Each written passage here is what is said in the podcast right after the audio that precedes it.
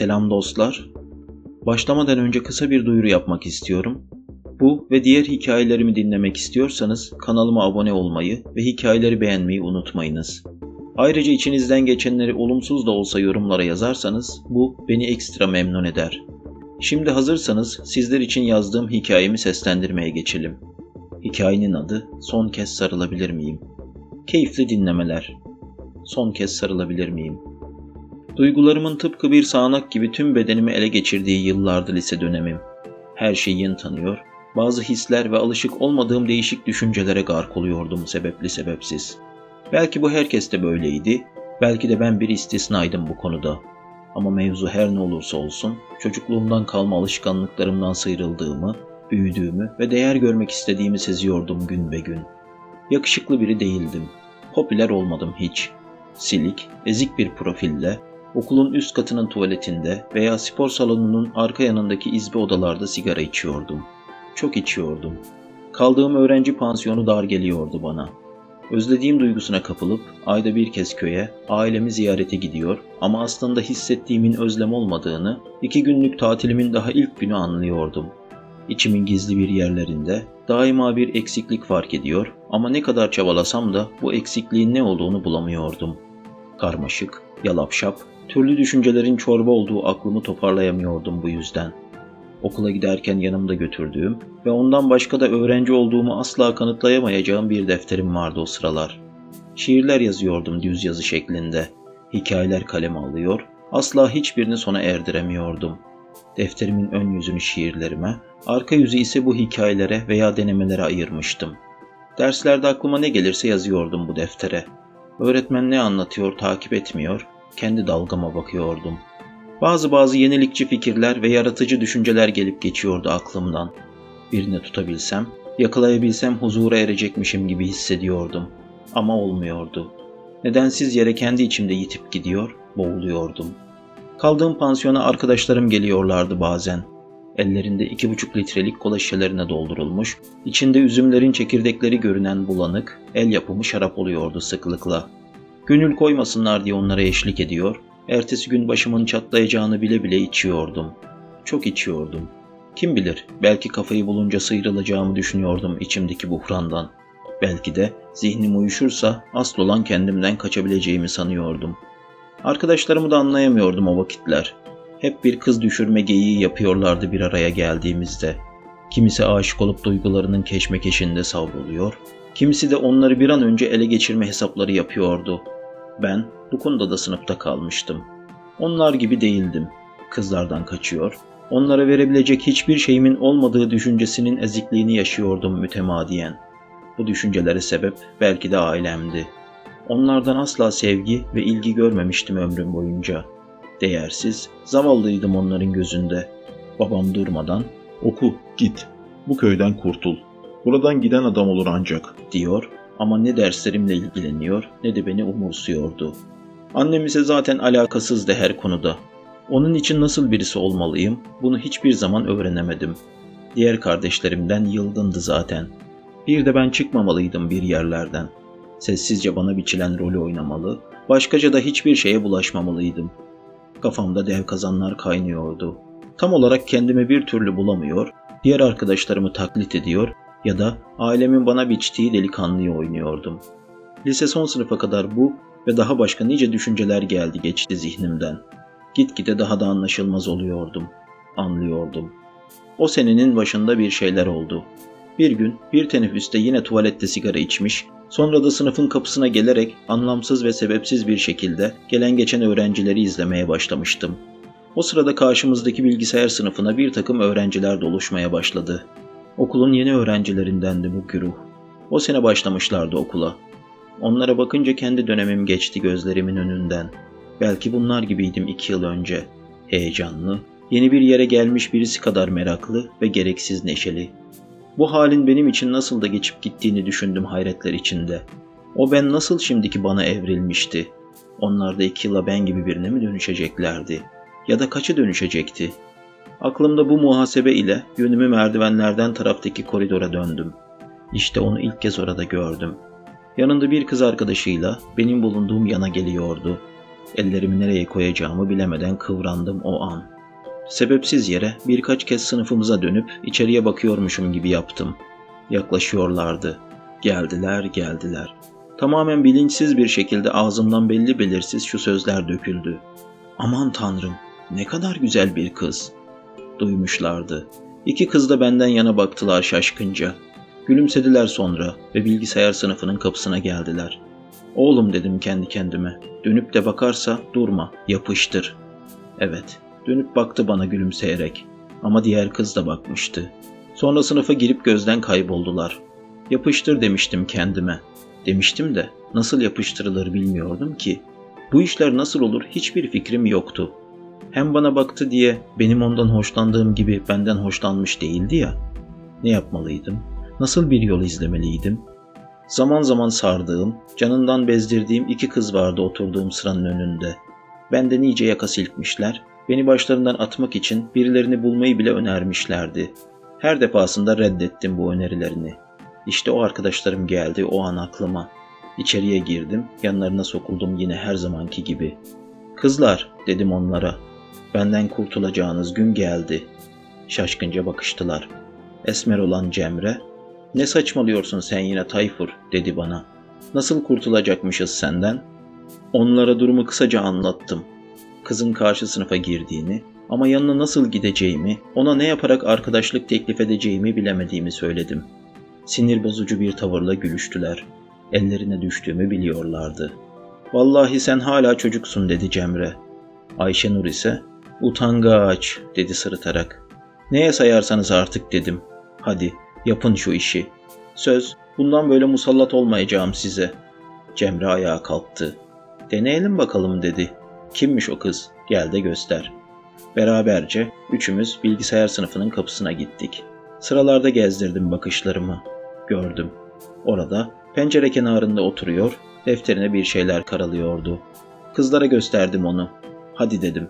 Bakalım başarabilecek misiniz? Arkadaşlarım bilgisayar sınıfına girdiler. Ben de kendi sınıfımıza geldim. Ama nasıl heyecanlıyım, nasıl terliyorum anlatamam. Sırama oturdum. Yüzyıllar kadar süren birkaç dakika geçti. Öğretmenlerin derse giriş zili çaldı derken, zilin hemen ardından da kız arkadaşlarım geldiler yanıma. Üzgünüm Tayfur dedi Ayşenur. Sevdiği varmış. İlgilenmedi bile seninle. Ölüm nasıldır bilemeyiz. O hissi bir kez yaşama hakkımız var. Ancak ölürken bilebilir kişi bunu.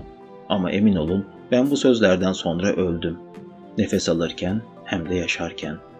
Ben yıkılmış bir enkaz gibi sırama yığılmış bir halde düşünürken öğretmen girdi sınıfa. Ders başladı. Ama ben ne dersi dinledim ne de o an ruhen oradaydım. Aksine uzakta, milyonlarca kilometre uzaklarda, evrenin öte yanındaydım zihnen. Acının her tonunu yaşıyor, hüzneliklerime kadar tadıyordum. Bu ruh haliyle uzun süre kalamadım sınıfta. Hocadan izin alıp çıktım dışarıya. Merdivenlerden indim, bahçeye geldim. Hiç ettiğim iş değildir ama bir sigara yaktım. Ancak sigaranın yarısına gelince anladım yaptığım hatayı. Bir hoca görse zıplatırdı beni. Sigarayı attım, ezdim. Okuldan çıktım. Bir süre kapıda bekledim. Sonra yürüdüm. Ayaklarım beni bilinçsizce pansiyona götürüyordu. Odama gelip yatağıma uzandım. Ağlamak geliyordu içimden. Bağıra bağıra ağlamak. Öyle bir ağlamak ki hem burundan sümük gelircesine. Kıyasıya, doyasıya. İyi de neydi bu şimdi? Ne oluyordu bana böyle? Birkaç saat önce varlığından bile habersiz olduğum birisi için aldığım bu tavır da neyin nesiydi? Ne saçmalıktı bu yaptığım? İçimde neler oluyor? Dahası neden oluyordu bunlar? Bu yeni, tanıdık olmayan duygular ve hisler de nereden çıkmıştı? Ne diye üzülüyordum durduk yere? Bu ezgin hallerimin sebebi neydi? Ellerimi başımın altına yastık yapıp tavanı izlemeye başladım. Bu sonsuz kedere gerek var mıydı? Vardı. Çok güzeldi. Çapkınca, o değillerden gülümseyişi bir devri kapatıp diğerini açabilirdi. Hele gözleri gitmiyordu gözlerimin önünden. O kara, üzüm gibi gözlerde kayboluyordum. Duru ve saf bakışları, uzun doğal kirpikleri ve henüz belirginleşmeye başlayan genç kız bedeniyle o kısacık anıyı unutamıyordum. Yattığım yerden paketimi bulup bir sigara yaktım. Cemre ve Ayşenur'a karşı da kepaze olmuştum. Ömrümde ilk olarak kendimden utanıyordum. Keşke girmeseydim bu işlere. Çok aşağılık bir haldeydim. O anda telefonum titremeye başladı cebimde. Umursamadım. Bakmadım bile. Sustu. Yeniden çaldı. Bekledim. Çalmaya devam ediyordu. Çıkardım cebimden. Cemre'yi de arayan. Ne istiyordu şimdi bu? Uğraşamazdım. Meşgule bıraktım. 10 dakika kadar geçti. Bir mesaj geldi telefonuma. Okudum. Bir şaka yapalım dedik. Yüzümüze bulaştırdık. Pansiyondaysan aşağıya gel. Pansiyonun önündeyiz. Bir şaka. Bir şaka? Neydi yaptıkları şaka? Yoksa kızın dalgası yok muydu? Doğrulup kalktım ayağa. Basamakları ikişer üçer inerek aşağı seyirttim. Kapıdaydılar. Cemre de Ayşenur da oradaydı. Beni görünce güldüler. Yahu dedi Cemre. Ne diye çıkıp gittin dersten? İş mi yaptın? Şakadan da anlamıyorsun ha. Nefesim kesilircesine. Neydi o şaka dedim. Söyleyin çabuk. Ayşenur. Ne olacak? Kız senin için konuşalım, tanıyalım birbirimizi dedi. Bu teneffüs spor salonunun arkasında görüşeceksiniz. Ya ne huysuzsun Tayfur. Aradığımızda telefona baksan buraya kadar gelmek ve dersi kırmak zorunda kalmayacaktık. Hadi dönelim okula. Teneffüste kız seni bekleyecek. Söylediği kelimeler zihnimde dans ediyordu. Demek benle tanışacaktı ha? Demek o da beni hoşlanılacak birisi olarak görmüştü. Vay be, neymişim meğer ben? Beni kurtarıyorsunuz dedim onlara. Sağ olun kızlar ama o şakanın bedelini de ödeyeceksiniz çaresiz. Okula döndük. Teneffüse kadar kantinde oturduk, çay içtik. Teneffüs olunca spor salonunun arkasına gittim, beklemeye başladım onu. Gelmedi. Ders zili çalmıştı. Ayşenur'u aradım. Kahkahalarla güldü telefonda. Hatta sanırım tüm sınıf gülüyordu. Yumruk yemiş gibi hissettim. Koşarcasına sınıfa geldim. Beni görünce gülüşleri katlandı. Kapıda kala kaldım. İçeriye dahi giremedim ve anladım. Kız gelecek diye yalan söylemişlerdi bana. Kızın erkek arkadaşı yoktu ama benimle konuşmaya ihtiyacı da yoktu. O yüzden kibarca reddetmişti bizim kızları. Onlar da kendi aralarında konuşmuş, bu rezil planı yapmışlardı. Oysa onlara ikisine birden tüm yaptıklarımı toplasanız şu yaptıklarının yarısı etmezdi. Ben onlara asla onurlarına dokunacak şaka yapmamış, hep bir mesafe bırakmıştım yaptıklarımda. Ama onlar sınırı geçmişlerdi işte. Üstelik bunu tüm arkadaşlarımın önünde yapmışlardı. İçeri girmedim. Döndüm yönümü. Okuldan çıktım ve çay boyuna doğru yürüdüm amaçsızca. Kendime kızıyor, dahası nefret ediyordum. Ne diye onlara gitmiş, kendim halletmemiştim işimi. Bu kadar ağır sonucu olmazdı o zaman. En kötü ihtimalle o kız hayır derdi bana ya da başka bir sebep sunardı. Yarım paket sigara içtim sinirle. Ne kadar orada kaldım, gün nasıl bitti, akşam nasıl oldu bilemedim. Pansiyona geldiğimde yorgun ve bitik bir haldeydim. Ertesi birkaç gün gitmedim okula. Devamsızlığım sınıra yaklaşmıştı. Ama öyle bir zamanda kim takar devamsızlığı değil mi? Okula gidince de ne Cemre ve Ayşenur'la ne de diğer sınıf arkadaşlarımla konuştum. Geldim, sıramda oturdum, defterime bir şeyler karaladım ve pansiyona döndüm. Böyle bir döngü oluştu bende. Artık yüreğimi hoplatan o kızı bile merak etmiyor. Onun bilgisayar dersinde içim ne kadar kapıya çıkmamı istese de yine de çıkmıyordum kapıya. Her şeyi daha da boş verdim, daha da umursamaz oldum.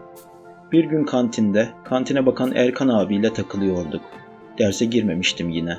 Erkan abi de o okuldan mezun, gayet zeki ve halden anlayan biriydi.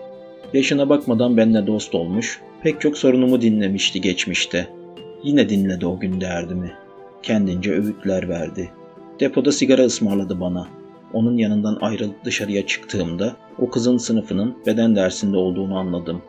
Erkekler futbol oynuyor, onlara beden öğretmeni hakemlik ediyor, kızlar ise şurada burada kümeleşmiş takılıyorlardı. Kenardan yürüdüm. Pansiyona gidiyordum. Tam çıkıştaki sürgülü kapıya gelmiştim ki birisinin arkamdan seslendiğini duydum. Dönüp baktım. Oydu. Uğruna sınıfıma ve kaderime küstüğüm kız. Durup yanıma gelmesini bekledim. Ne oluyordu? Merak içindeydim. Olanları öğrendim dedi bana. Arkadaşlarının sana yaptıklarını biliyorum. Benim yüzümden alay etmişler seninle. Kusura bakma. Dert etme dedim bakışlarımı kara gözlerine dikerek. O kadar sıradan ki artık bunlar. Öylesine alışığım ki hayal kırıklıklarına konuşmaya bile değmez. Yine de düşündüğün için sağ ol. Yüzümü yere indirdim ve usulca döndüm yine arkama. Hoşça kal dedim belli belirsiz. Bir dakika dedi kız.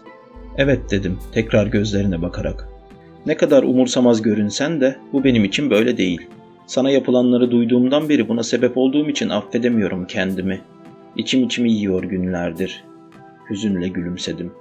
Beni bu kadar düşünme, ağlatırsın yoksa dedim. Dediğim gibi, ne ilkti bu ne de son olacak. Hem artık göremeyeceksin beni burada. Okulu bırakacağım. Köye döneceğim yakında. Saçmalama dedi yaşından büyük bir tavırla. Yapamazsın bunu. Yapacağım dedim. Benim için hepsi bir nasılsa. Bir süre sustu. Burada iki dakika bekler misin dedi bana. Hemen döneceğim. Cevabımı dahi beklemeden merdivenleri indi, bahçeye koştu. Öğretmene bir şeyler anlattı ve arkasından o gün bilgisayar odasına gelirken yanında olan kızla konuştu. Sonra da benim yanıma geldi. Vaktin varsa şuralarda oturalım mı dedi. Vaktim var ama gerek yok dedim. Dersinden geri kalma. İzin aldım dedi gülümseyerek. Yürümeye başladık yan yana. Ona karşı ilk günkü hislerimi korusam da içim kırgındı. Ona mı? Hayır. Sınıf arkadaşlarına mı? Hayır. Öyleyse kime veya neye? Bilmiyorum. Yorgun adımlarla vali konağının önündeki parka geldik. Bir banka oturduk. Uzun uzun şuradan buradan konuştuk. Adı Zeynep'ti. Yıllar evvel yaşadıkları kasabadan şehre taşınmışlar, burada yaşamaya başlamışlardı. Bir kardeşi vardı. Çok tatlı ve anlayışlıydı bu kız. Konuşurken insanın içine işleyen bir ses tonu kullanıyordu. Çok gülüyor, güldükçe neşeli kahkahaları kulaklarımda çınlıyordu. Bir saatten fazla kaldık onunla. Okulu bırakmayacağım yönünde söz aldı benden. Tekrar tekrar özür diledi yaşadıklarım için. Sonra da gitti. O giderken arkasından baktım uzun süre. Tam iki kez de o dönüp baktı bana. Ona söz vermeme rağmen yine de okulu bırakmaya kararlıydım. Artık gelip gitmek boştu benim için. En azından köyde babamın işlerine yardım ederim diye geçiriyordum içimden. Sonraki gün ikinci ders arasıydı. Sınıfta pencereden dışarılara dalmıştım. Gelmiş, arkamda bekliyordu onu fark ettiğimde. Simit yiyelim mi? dedi gözlerime bakarak. Kafa salladım. Kantine indik. O simit ısmarladı bana, ben de ona çay. Artık arkadaş olmuştuk onunla. Teneffüslerde, akşam çıkışta ya da onun boş derslerinde hep beraber olmaya başladık. Konuşuyor, şakalaşıyor, vakit geçiriyorduk sık sık. Ramazan ayı boyunca o oruç tuttu, ben yanında sigara içtim. Hatta bir keresinde orucunu bozmasına sebep oldum. İnanılmaz güzel zaman geçiriyorduk ikimiz. Sevgili değildik. Ben ona aşıktım ama o beni arkadaş olarak görüyordu. Israr etmiyordum. Üstüne gitmiyordum. Çünkü yanımda olması bile yetiyordu bana.